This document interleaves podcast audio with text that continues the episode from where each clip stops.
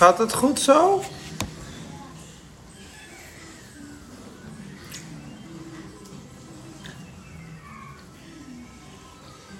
Juliaan, Juriaan. Oh, we kunnen nog een effectje doen, jongens. Niki Beekhuis, hoe is het? Oh ja. Dit is ook niks. Tabita, Susanna, David, Jordi. Een leuk achtergrondje.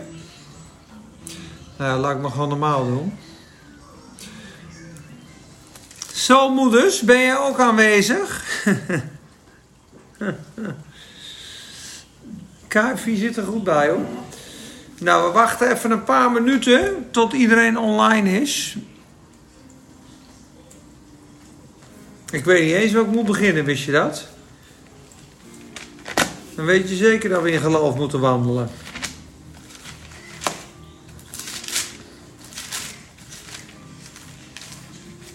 Twee Korinthe. Ja.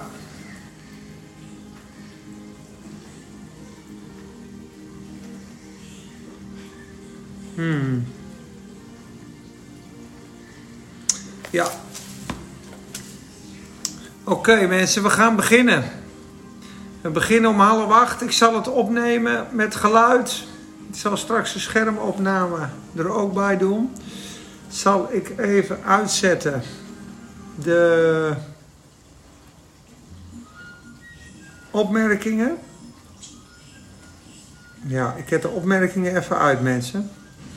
Is dat goed? Of willen jullie af en toe wat zeggen? Misschien ook wel leuk, hè? Ja, doe maar. Als je af en toe wat wil zeggen.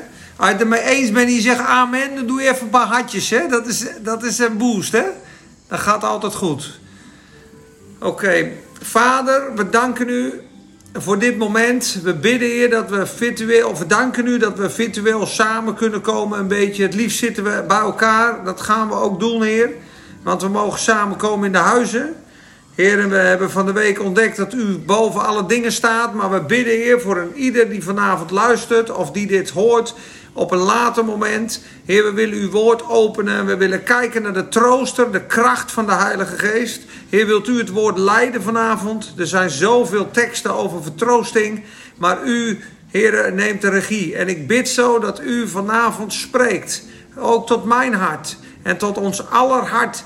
Dat wij dicht bij u mogen zijn en dat u ons roept, Heer, naar uw woord. Roept naar uw omgang. Er is zoveel afleiding. Er zijn zoveel dingen die onze aandacht vergen. Heer, maar u bent het begin en het einde. En daarom komen we ook samen om uw woord, Heer. Want uw woord geeft licht. Uw woord geeft leven. En daar bidden we zo voor. Voor licht en leven. Voor kracht, bemoediging en vertroosting. Voor een ieder op dit moment. Heer, in deze tijden. Wij danken u in Jezus' naam. En we zegenen zo dit woord. Amen. Ik begin te lezen in 2 Korinthe 1. Dat is een hoofdstuk wat je niet heel veel hoort. Wat ik persoonlijk niet veel heb gehoord preken. Uh, eigenlijk nog nooit eerlijk gezegd. Ik heb nog nooit in al die jaren een preek over 2 Korinthe 1 gehoord. Dat is toch best bijzonder. Kan aan mij liggen. Misschien hebben jullie hem wel gehoord. Maar het is een woord over vertroosting. En ik dacht op het moment dat ik dit las, een jaar of 10, 15 geleden, dacht ik in het Engels: There is a, lo a lot of loveless exhortation. Er is een hoop liefdeloze vermaning in de, in de kerk. Hè, met dat vingertje en de verdoemenis en, uh, en de schuld en de zonde en de veroordeling. Maar er is maar weinig vertroosting. En wij zagen vorige week in Psalm 34 dat Velen zijn de rampspoeden van de rechtvaardige, maar uit die alle redt hem de Heer. God redt hem uit alle benauwdheden. We lazen ook in Psalm 34, ik zocht de Heer en hij verloste mij van al mijn angsten. En uh, ik was zelf verdrietig, ik was van slag, ik was bedroefd. Hé hey, Wout, amen, Wout van den Berg. En uh, op het moment dat je te neergeslagen bent en bedroefd, kan je twee dingen doen. Je kan helemaal in je. Kijk, je moet je verdriet toelaten, maar je kan ook helemaal overmand worden door je verdriet. Of je kan het bij God zoeken. Dus ik las die Psalm 34, werd daar ontzettend door bemoedigd. En ik weet van een prediker dat hè, als je het moeilijk hebt, you gotta preach through it, zei hij. Je moet er doorheen preken. Op het moment dat je de belofte van God in die moeilijke momenten toepast, hè, dan is daar de genezing, het medicijn. En zo is er voor elke staat en voor elke uh, bui die je hebt, of voor elke hartsgesteldheid of emotionele uh, periode of tijd, is er een schriftwoord voor jou. Want de Bijbel is Jezus zelf. jullie zien natuurlijk papier en letters, maar het is het door God geademde woord en het beschrijft de diepte van Christus. En dat woord is wonderlijk. En dat woord wordt wonderlijk zodra je de bril opdoet van de Heilige Geest. Kijk, doe hier een bril op. ik zal het nu weer even afdoen. Maar de bril van de Heilige Geest opent je ogen. Daarom bidden we ook altijd voordat we gaan lezen. En vragen we of de Heilige Geest ons helpt. Want Jezus wil zichzelf aan jou openbaren. En aan mij. En ook die bemoediging en vertroosting geven. En dat zegt ook Romeinen 15 zo mooi. Romeinen 15, die zegt in vers 4. Want alles wat eertijds geschreven is, dat gaat over de Bijbel. Alles wat eertijds geschreven is, is tot onze onderwijzing eerder geschreven. Opdat wij in de weg van volharding en vertroosting door de schriften de hoop zouden behouden. Zie je dat? Dat we door volharding en vertroosting door de schriften vertroost worden door de Bijbel, door de schriften, door de verhalen van God. Dat David het moeilijk had, beroofd, berooid. Uh, je kan elk verhaal pakken. Maar in die Bijbel, daar staat jouw hart en jouw verdriet beschreven in de psalmen. Daar staat jouw moeite.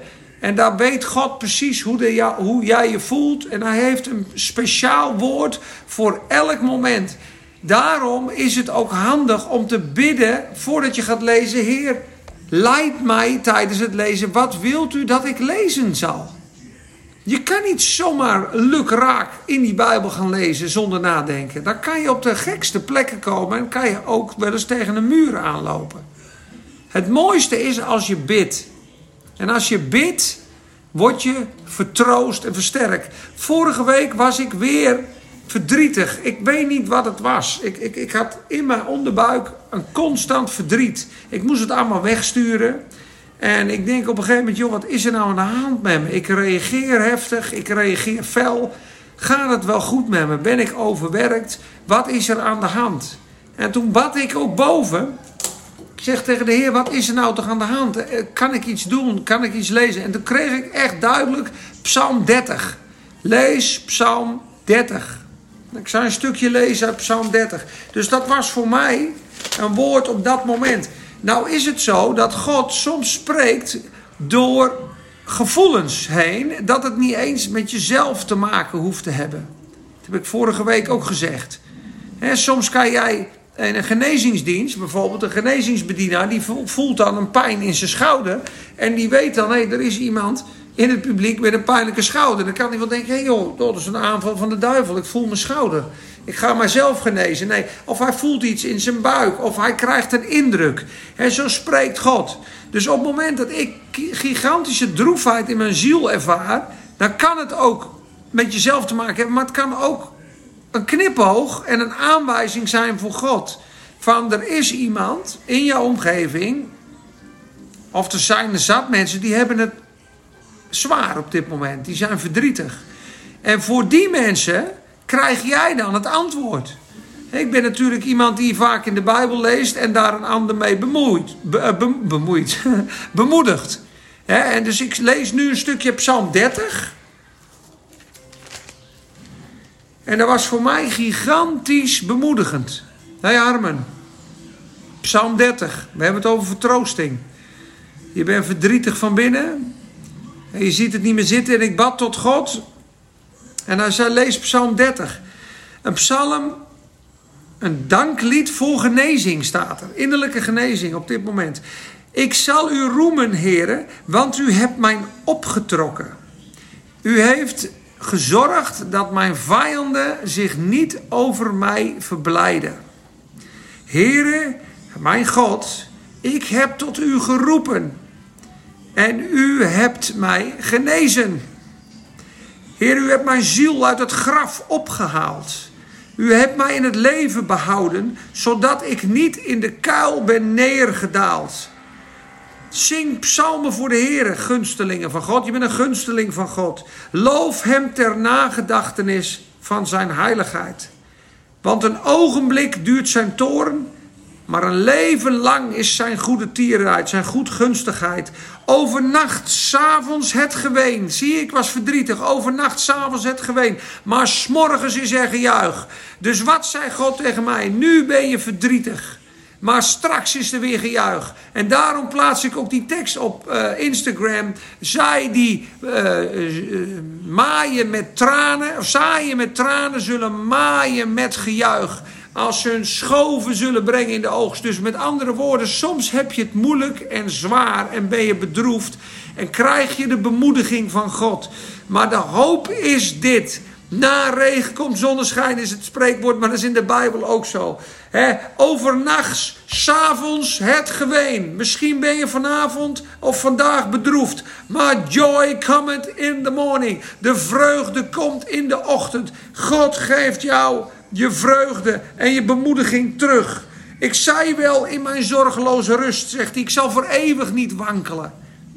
Want Heer, uw goede gunstigheid had mij als een berg doen vaststaan. Zie je, hier zegt hij, ik, ik, was ik rust op uw genade. Ik zei, Heer, ik ga nooit meer stuk. Want u hebt mij door uw genade mijn berg zo vast doen staan.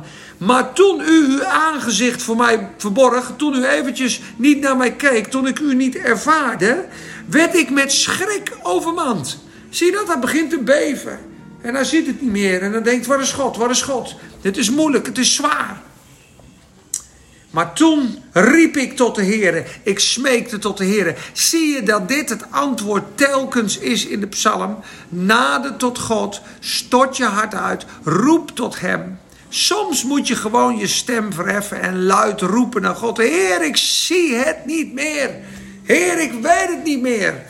Kom mij te hulp. Wat moet ik dan doen, Heer? Heer, help mij. Vader, ik ben overmand door verdriet. En dan lees je die psalm, jongens. En dan zegt hij: Wat voor winst is er in mijn bloed? Moet ik dan neerdalen in het graf? Moet ik dan doodgaan? Zal het stof u loven? Zal u, zal u trouw, zal het stof u trouw verkondigen?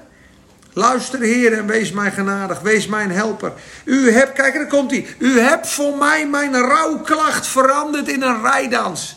Zie je eens? U hebt mijn rouwgewaad losgemaakt en met mij met blijdschap omgord. Daarom zal mijn eer voor uw psalm zingen en zwijgen. Waarom? Omdat u, Heer, mijn God bent. Ik zal voor eeuwig geloven. Zie dat? U hebt mijn rouwklacht veranderd in een rijdans. Mensen, de Heer Jezus en God is bij machten. En is zijn grote wens is om ons rouwgewaad in een feestgewaad te veranderen. U hebt mijn rouwgewaad losgemaakt en mij met blijdschap omgord. Oh Heer, dank u wel. U omgod ons met blijdschap. Dit is zo krachtig van het woord dat u door de schriften vertroosting zou hebben en versterkt zou worden. U hebt mijn rouwklacht veranderd in een rijdans. Weet je wat rijdans is, mensen? Dat is Polonaise. Dat doe je op een bruiloft. Dat is als je feest hebt, als je vrolijk bent. Als je samen met z'n allen aan het juichen bent in de tegenwoordigheid van God. Rijdans, Polonaise. Hé hey Mariette, we zijn in Psalm 30, vers 12. We hebben het over troost en joy. U hebt mijn rouwklacht veranderd in een rijdans. U hebt mijn rouwgewaad losgemaakt en mij met blijdschap omgooid. Zo mooi. Zo mooi. En ik werd erdoor bemoedigd van de week. Heel erg. Ik was bedroefd en daarna was ik weer aan het juichen. En mensen, soms is het zo, dan word je gepest. We hoorden het zondag nog in de kerk met vurig van geest. Jezus kwam in Gethsemane. Weet je dat nog? Dat Jezus angst zweet, bloed en tranen zweten. Daar komt het lied vandaan. Met bloed, zweet en tranen. Wij denken allemaal, het komt van andere hazes, maar het komt uit de Bijbel. met bloed, zweet en tranen. Dat komt bij de Heer Jezus vandaan. En hij werd zeer beangstigd. En de angst greep hem vast. En toen de engelen hem sterkten en hij verdrukt was door de banden van de dood, werd hij op een gegeven moment gesterkt in de geest door God. En hij weet hoe dat voelt. Die ontzettende vernedering die hij ging. En dat betekent Gethsemane oil press. Oil press. Dus dan werden de olijven gepest. Opdat er olie vrij kwam. Ik zei vorige keer al. Mag ik een banaan? Mag ik een banaan, zegt hij. Wil jij een banaan? Nou, neem jij maar een banaan. Kijk, Joas wil een banaan. Wil je even kijken bij de mensen? Bij wie? Kijk, samen. Hé, hey, Sam. We gaan een bijbelstudietje doen. Kijk, Dat hier mag jij in het scherm komen hoor. Dat zijn... eh, ben jij en... Ja, ja, papa gaat praten tegen de mensen. Zo, neem maar weer mee. Mag jij een banaantje? Maar in ieder geval in Gethsemane betekent oil press. Daar wordt die, daar wordt die olijven worden gepest tot olie. En dat proces moeten we allemaal doorgaan. Net als die wijndruiven die vertrapt werden, dat je op een gegeven moment uitgegoten wordt als wijn.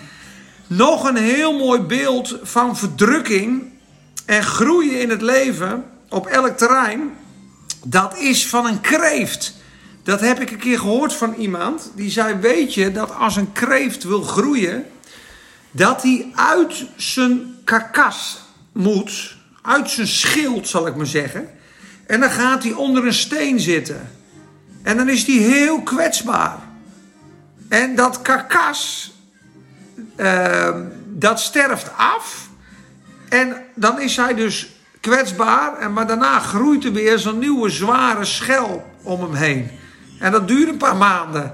Dus het kan zijn dat je in je leven moeilijke momenten hebt. Dat je je heel naakt en kwetsbaar en angstig eh, voelt. Maar dat is ook gewoon groeien mensen. Dus blijf op God hopen. Blijf op God vertrouwen in alle dingen. Hij troost ons. 2 Korinthe. 2 Korinthe, een klein stukje dan stoppen we. Want we doen korte stukjes deze week. En we gaan constant inzoomen op troost, bemoediging. Maar eh, 2 Korinthe 1. Dankzegging voor troost en verlossing staat erboven. Geprezen zij de God en Vader van onze Heer Jezus Christus, de Vader van de barmhartigheden en de God van alle vertroosting, die ons troost in al onze verdrukking, zodat wij hen kunnen vertroosten die in allerlei verdrukking zijn, met de vertroosting waarmee wij zelf door God getroost worden. Dat is een mooi vers, hè? vers 4 die ons troost in al onze verdrukking, dat had ik vorige week, zodat wij hen kunnen troosten die in allerlei verdrukking zijn. Zie je, God doet een werk in jou. Hij troost jou, hij geeft jou een zegen, geeft jou een bemoediging. En daar kan jij een ander weer mee zegenen en verder helpen. Want al die andere mensen die in verdrukking zijn, die het niet weten, hebben dan dat woord nodig. Daar mag je eten uitdelen, hemelsbrood. En hoe doe je dat? Met de vertroosting waarmee wij zelf door God getroost worden. Want zoals het lijden van Christus overvloedig over ons komt, zo is door Christus ook onze vertroosting overvloedig. Zie je, zoals het lijden van Christus overvloedig over ons komt. Dus wij zijn als slachtschapen, zegt Romeinen 8. De ganse dag worden wij afgeslacht. Als gelovigen zijn wij een schouwspel van engelen, staat er zelfs. Paulus zegt, joh, we worden uitgekotst door de wereld. Ze lachen ons uit. Ze vinden ons dwazen, maar we zijn dwaas om Christus wil. Hoeveel heeft Paulus niet geleden? Hoeveel heeft hij niet geleden? Lees 2 Korinthe 11 kun je zien wat hij allemaal meemaakt. En hij zegt hier, want zoals het lijden van Christus overvloedig over ons komt, zo is door Christus ook onze vertroosting overvloedig. Zie je dat die trooster, de Heilige Geest, je constant troost en bemoedigt, zodat je het leven aan kan? Want je zult vervolging en verdrukking kennen. De Bijbel belooft dat. Ja, net als Jozef in tijden van schaarste waren er volle schuren om uit te delen daarna. Juist. Kijk, en het is zo. God moet een werk in ons doen. En ook het volk Israël werd uit Egypte gehaald en was in het land met manna en brood uit water in de woestijn. Dat was het land van net genoeg. Maar zij gingen naar het land van overvloedig van melk en honing. Naar het beloofde land. En God wil jou en mij naar de volle zegen brengen. Naar de volle belofte, naar het beloofde land. Het land vloeiende van melk en honing. Maar waar moesten ze eerst doorheen, jongens? Ze moesten eerst beproefd worden bij dat bittere water. Ze werden beproefd met de volken die ze aanvielen. Ze werden beproefd als ze moesten wachten. Ze werden beproefd op allerlei gebieden. Ook met de koperen slang en de, en de slangen als ze gezondigd hadden onder het volk. En ze zijn uiteindelijk, zijn er zelfs velen in de woestijn gevallen. En zijn er maar een paar aangekomen door het geloof. En die komen tot dat volle leven in Christus. En ik heb jou vaker gezegd: het beloofde land is niet een beeld van de Bijbel. Dat is een beeld van het koninkrijk. Van het overwinnende christelijke leven. Anders zou alleen Jozef en Caleb in het beloofde land komen. De rest allemaal gestorven zijn in de woestijn. Maar ze waren wel uit Egypte mensen. Alleen ze waren niet tot de volle bestemming gekomen die God voor hun had. En dat is wat Hij ons wil geven. En daarom moeten wij dagelijks in dat woord zijn. Eén, dat dat woord een licht op ons pad is. Twee, vertroosting van de schriften. Voedsel voor onze ziel. Licht op ons pad. En de kracht van de Heilige Geest. En dit woord brengt Jezus in je. Als Jezus nou dit woord is. En het is een zaad in onze ziel. En dat zaad groeit. De mate van het woord en de bekennis van het woord en de gehoorzaamheid van het woord in jouw leven is de mate waar je onderworpen bent aan Christus. De mate van openbaring en liefde voor dat woord is de mate van Christus die toeneemt in jou. Dus Christus wil zich als een deel in je bouwen. Hij wil zijn volle regie in ons leven. Dus Paulus zegt, zoals het lijden van Christus overvloedig over ons komt, zo is ook door Christus onze vertroosting overvloedig. Of wij nu verdrukt worden, het is tot uw vertroosting en zaligheid, die tot stand gebracht wordt in de volharding, in hetzelfde lijden dat wij ook lijden.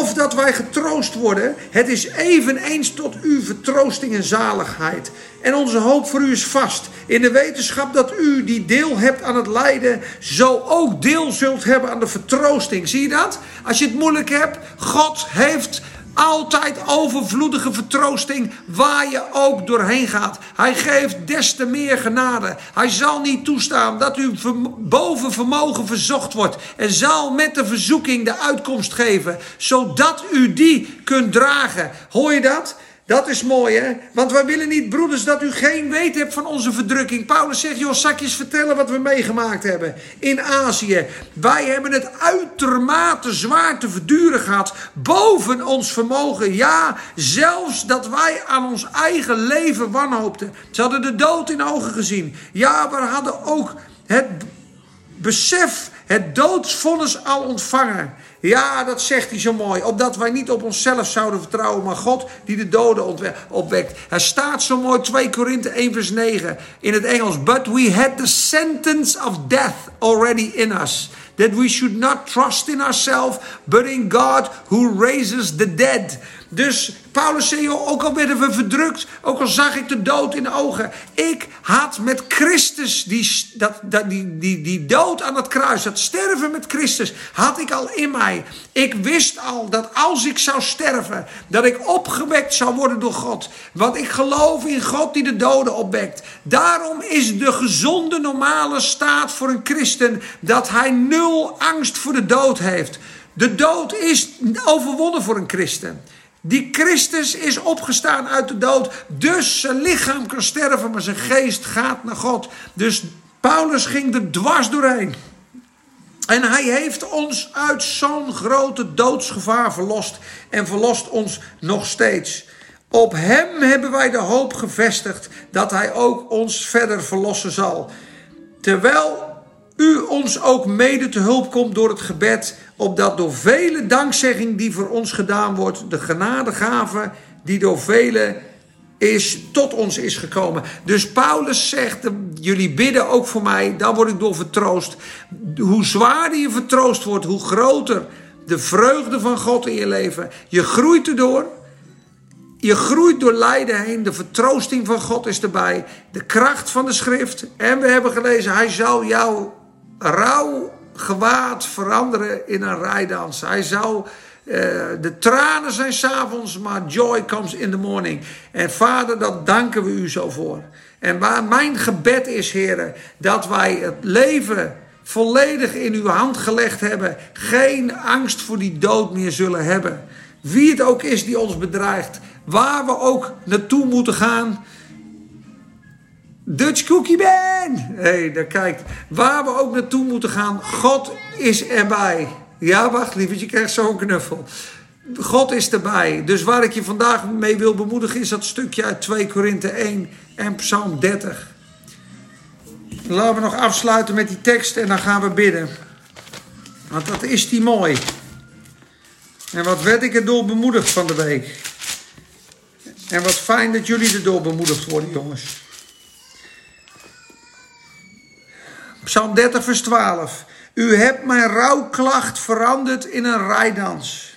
U hebt mijn rouwgewaad losgemaakt en met blij, blijdschap omgord. Zie je, mijn rouwgewaad losgemaakt. God heeft dat rouwgewaad losgemaakt. En jou met blijdschap omgord. Dat is het werk van God. Jouw rouwklacht verandert in een rijdans.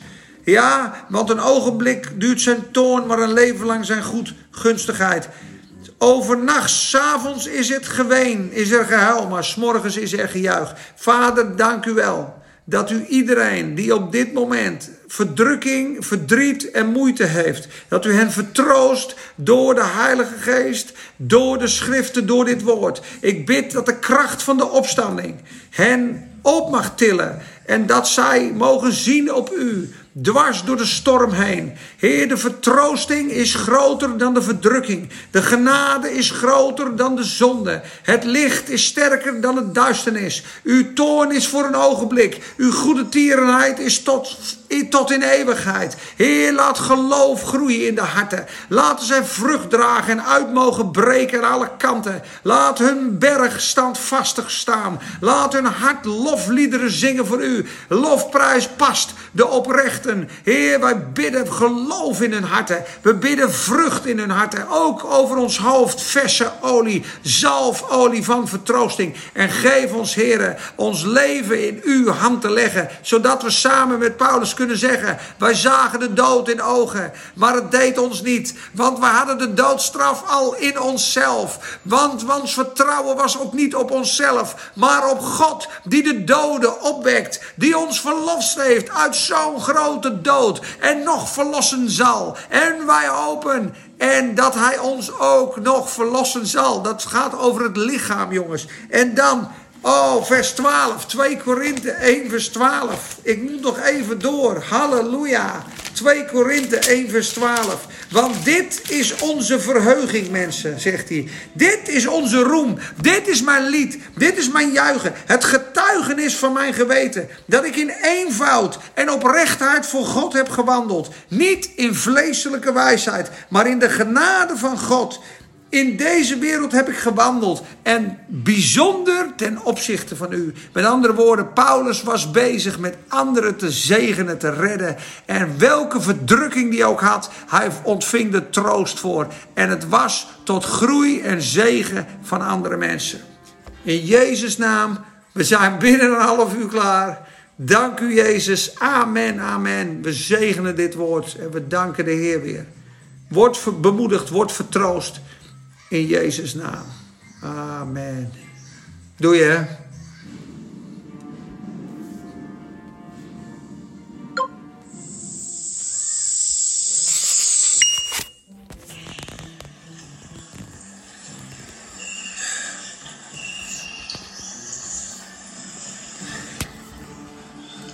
Zo, je krijgt zo'n knuffel van papa.